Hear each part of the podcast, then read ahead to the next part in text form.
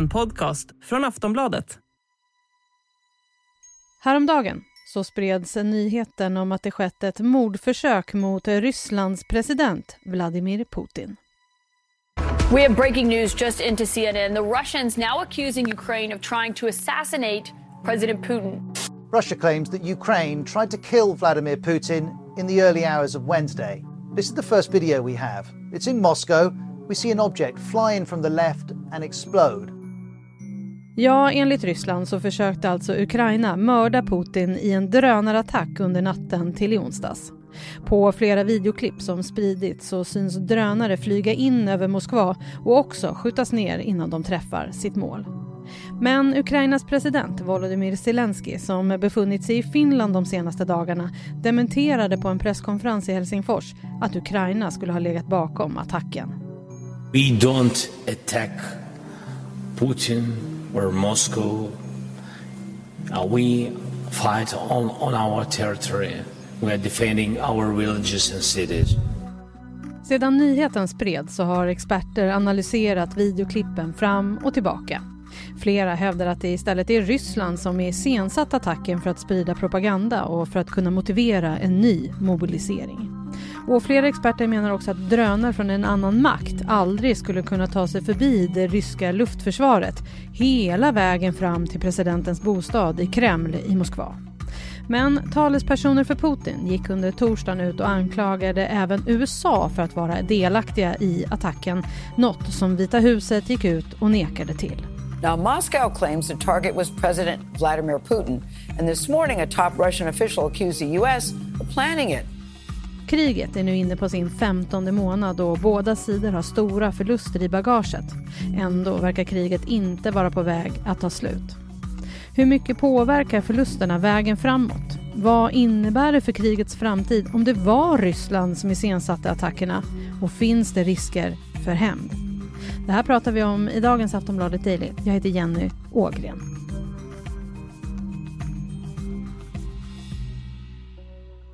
Och med mig i studion har jag vår utrikespolitiska kommentator Wolfgang Hansson. Wolfgang, vad ska man tro om de här senaste händelserna i Moskva? Ja, det finns otroligt många tolkningar man kan göra av det här påstådda mordförsöket på eh, president Putin med de här två drönarna som påstås ha eh, exploderat eller skjutits ner precis över Kreml. Eh, det är ju ingen tvekan om att Ukraina kan ha intresse av att eh, mörda president Putin. Men jag tror knappast att de skulle använda en sån här metod eh, till att göra det eftersom det är ju otroligt svårt för Ukraina att veta var Putin befinner sig. Är han i Kreml eller inte när de skickar in sina drönare? Och dessutom är ju Kreml är en ganska stort område. Du måste ju veta exakt var han befinner sig för att du ska kunna mörda en specifik person med en drönare. Eh, och den, den kunskapen tror jag faktiskt inte Ukraina har.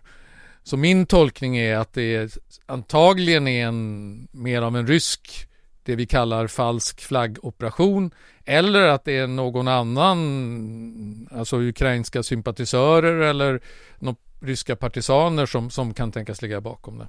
Ryssland har ju från början sagt att eh, de säger att det är Ukraina som ligger bakom det här. Men det senaste som har hänt nu när vi spelar in det här torsdag eftermiddag, då anklagar Ryssland USA också. Ja, de säger att visserligen var det då ukrainska drönare påstår de, men det var USA som gav eh, Ukraina order om att genomföra den här attacken och Ukraina gör allt som USA säger till dem och så vidare, hävdar Ryssland. Eh, och det här får man ju se som en ganska farlig upptrappning eh, av hela den här historien. Eftersom nu anklagar ju eh, Ryssland eh, USA för att försöka mörda deras president. Och då kan man ju så att säga se det här indirekt som att jaha, men då kanske vi eh, kan, eh, då, då kanske det här är tillräckligt för att vi ska kunna använda kärnvapen för att eh, slå tillbaka mot det här. Det har de inte sagt. Men det är ju liksom implicit lite grann eh, med tanke på vad de har gjort tidigare, den tolkningen man, man kan göra. Och dessutom har eh, den här chefen för Wagnergruppen, han som kallas Putins kock, eh, Evgenij Prigozjin, han har sagt i ett uttalande att ja, men det här, nu får vi inte använda kärnvapen som svar på det här, för att det, det är ju inte rimligt att använda kärnvapen som svar mot en drönarattack. Så att någonting är i görningen här och det svåra är att veta vad, vad, är, vad är syftet med det här liksom? Är det bara eh, liksom att, att öka stödet på hemmaplan eller finns det någon liksom plan i det här att man kommer att attackera Ukraina, en ny, ny stor offensiv eller direkt att man direkt pekar ut Zelensky som en måltavla indirekt genom det här. Eh, eller att man vill liksom eh, få det här internationella spelet att bli ännu mer farligt än det redan är. Vad är det som talar då för att eh, Ryssland har iscensatt det här? Ja, det, det, tycker jag är just det här att eh, två små drönare eh, som tar sig från Ukraina till Moskva. Det tar enligt militära experter minst fem timmar för dem att flyga dit. Under de fem timmarna så har de åkt igenom hela det ryska luftförsvaret utan att bli upptäckta. Vilket ju är man kan ju tolka det på två sätt. Att det är antingen eh, visar det hur otroligt uselt det ryska luftförsvaret är. Eller så är det helt enkelt så att det inte är möjligt för två drönare att flyga så långt genom eh, ryskt luftrum utan att bli upptäckta. Och att det därför så att säga inte är eh, ukrainska drönare som har eh, tagit sig hit. Och också är det så att när det tidigare har varit attacker inne i Ryssland som man har kunnat misstänka att Ukraina ligger bakom eller som Ryssland har pekat ut Ukraina för. Då har man liksom inte, okej okay, man har slagit på trumman men man har, inte, man har inte gjort en jättesak av det.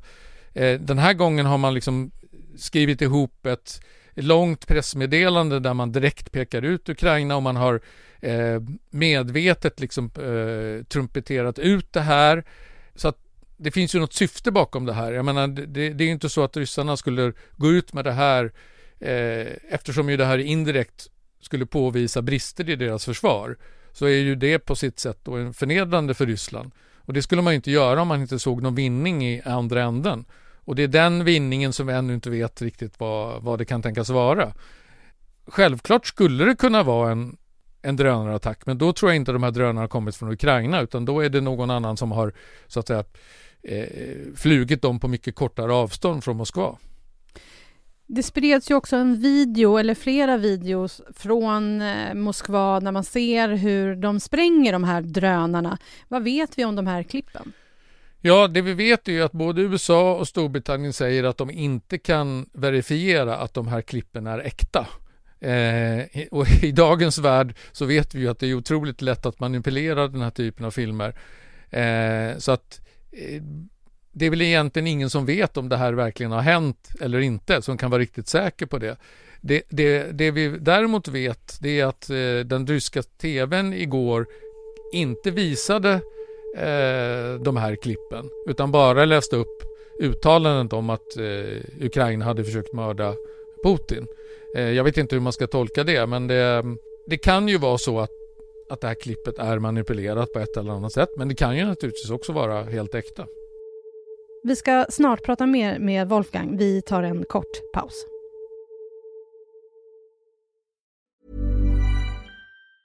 Say hello to a new era of mental health care. Cerebral is here to help you achieve your mental wellness goals with professional therapy and medication management support. 100% online. You'll experience the all new Cerebral Way, an innovative approach to mental wellness designed around you. You'll get a personalized treatment plan from a therapist, prescriber, or both in a safe and judgment free space. Your cerebral therapist or prescriber will outline a customized plan with clear milestones along the way so you can get to feeling your best. With Cerebral, you're not alone in your mental health journey. We're here to empower you to live a fulfilling life. So take that first step towards a brighter future and sign up today at cerebral.com slash podcast and use code ACasts to get 15% off your first month. Offer only valid on monthly plans. Other exclusions may apply. Offer ends July 31st, 2024. See site for details. Nu när vi spelar in det här så är det torsdag eftermiddag som sagt eh, och i USA har man ju knappt hunnit vakna men har det kommit någon reaktion från USA på eh, anklagelserna om att de skulle vara delaktiga? Eh, ja, jag har bara sett något kort uttalande om att eh, självklart så är, ha, är, USA inte inblandat i det här och de uppmanar inte Ukraina på något sätt att eh, eh attackera Ryssland eller Putin. Och man ska också komma ihåg att eh, i de här alla vapen som USA och Europa har gett eh, Ukraina eh, så har man ju varit väldigt noga med att inte ge dem vapen som kan nå långt in i Ryssland. Utan man ska bara kunna försvara sitt eget territorium. Eh, och så man kan ju säga att USA har ju på alla sätt försökt undvika att bli anklagade för att så att säga indirekt eh, attackera Ryssland. För så länge Ukraina bara attackerar ryssar inom sitt eget territorium så är det ju liksom deras rätt eftersom de har blivit invaderade av en främmande makt. Eh, och jag menar, man kan ju tycka att det skulle vara okej okay för Ukraina att attackera Ryssland också som är i självförsvar. Men USA och NATO vill inte bli inblandad eller se som att de försöker eh, attackera Ryssland. Eh, därför då skulle det vara en väldigt farlig upptrappning av kriget och det är sånt som skulle kunna leda till i slutändan till att eh, Putin använder kärnvapenkortet eh, igen. Men du var inne lite på det att det här också kan vara då en, en grej från Rysslands sida för att det ska börja hända lite saker. Ja, det, vi har ju några händelser här som vi väntar på. Den 9 maj är det segerdagen, firandet av segerdagen i Moskva. Det är alltså eh, Rysslands seger över nazisterna i andra världskriget som då högtidlighålls. Det är en otroligt viktig dag för Putin. Han har ju använt andra världskriget som någon slags eh, förebild liksom för ryssarna för det här kriget i, i Ukraina. Det, det, är en sak och där kan man ju tänka sig att Putin antingen så att säga vill få upp eh, det folkliga stödet för eh, firandet och för Ryssland inför segerdagen. En annan tolkning är att han är orolig för attentat och därför försöker han hitta en förevändning för att ställa in firandet. Eh, det har man gjort i 20 städer i den europeiska delen av, av Ryssland. Oklart dock om det är på grund av den här drönarattacken eller inte. Utan på det så har vi den här eh, ukrainska offensiven som alla går och väntar på. Och det är ju naturligtvis någonting som gör Putin nervös också. Tänker Ukraina attackera inför segerdagen? Eh, det skulle ju kunna vara en stor eh, prestigeförlust för Putin. Särskilt om man skulle lyckas attackera eh, firandet inne i Moskva. Man kan ju tänka sig att de här drönarna skulle vara någon slags rekognoseringsuppdrag för att se var, var kan vi hur skulle vi kunna attackera eh, den här segerparaden? Det är väldigt många bollar uppe i luften samtidigt och det är svårt att veta liksom eh, vem det är som styr den här processen. Eh, om det är Ryssland eller om det är någon annan liksom. Men, men det finns väldigt många olika tolkningar man kan göra av det här som har hänt. Kriget är inne på sin femtonde månad. Det verkar inte vara på väg att ta slut. Vi vet att båda sidor har eh, förlorat mycket folk på båda sidorna. Eh, och den senaste tiden så har ju Ryssland haft eh, mycket strider i Bachmut för att de försöker ta över den regionen i Donbass. Kan det vara så att de här förlusterna där är en orsak till att man i sånt fall iscensätter den här typen av drönarattack? Det är klart att det kan vara ett sätt att försöka skifta uppmärksamheten eh, bort från de förlusterna. Eh, det, det, är mycket möjligt men eh, jag har svårt att bedöma hur, hur, hur, realistiskt det är så att säga att man, att man gör så. Men eh, jag tror att Putin är inte så oroad över de här eh, stora förlusterna därför att han har ju nu rensat bort all opposition på hemmaplan. Det finns ju ingen längre som vågar gå ut och protestera mot kriget eftersom alla vet att då blir det 10, 15, 25 års fängelse.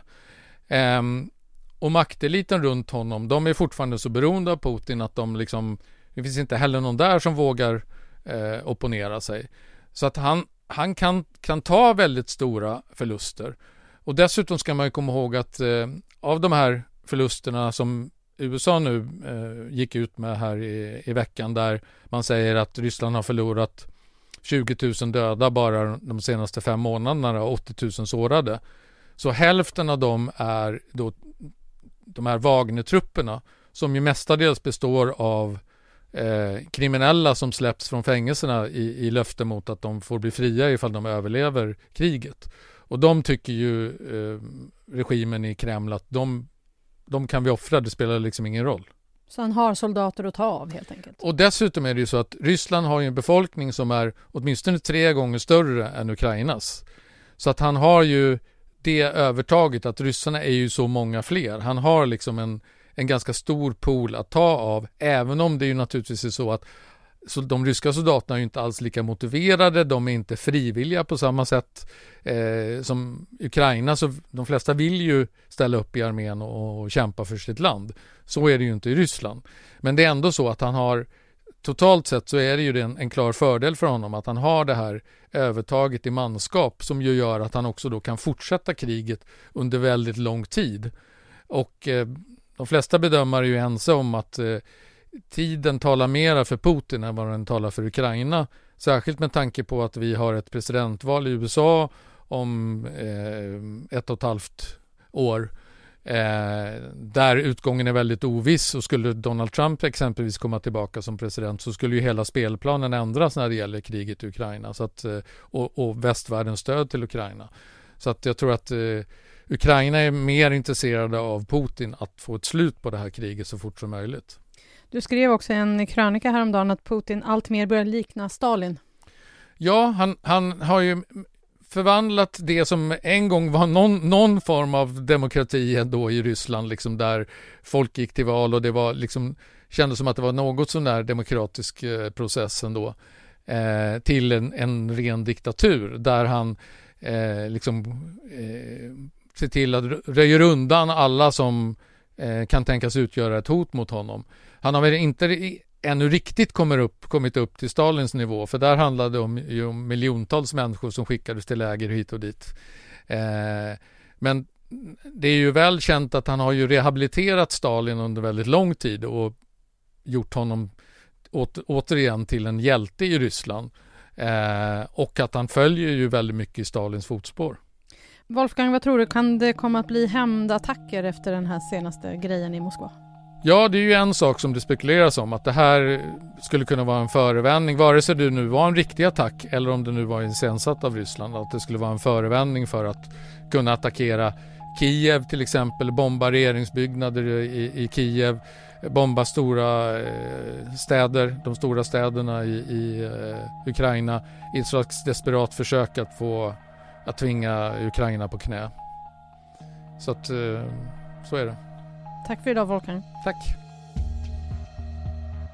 Sist här Wolfgang Hansson, Aftonbladets utrikespolitiska kommentator. Jag heter Jenny Ågren och du har lyssnat på Aftonbladet Daily. Vi hörs snart igen. Hej då.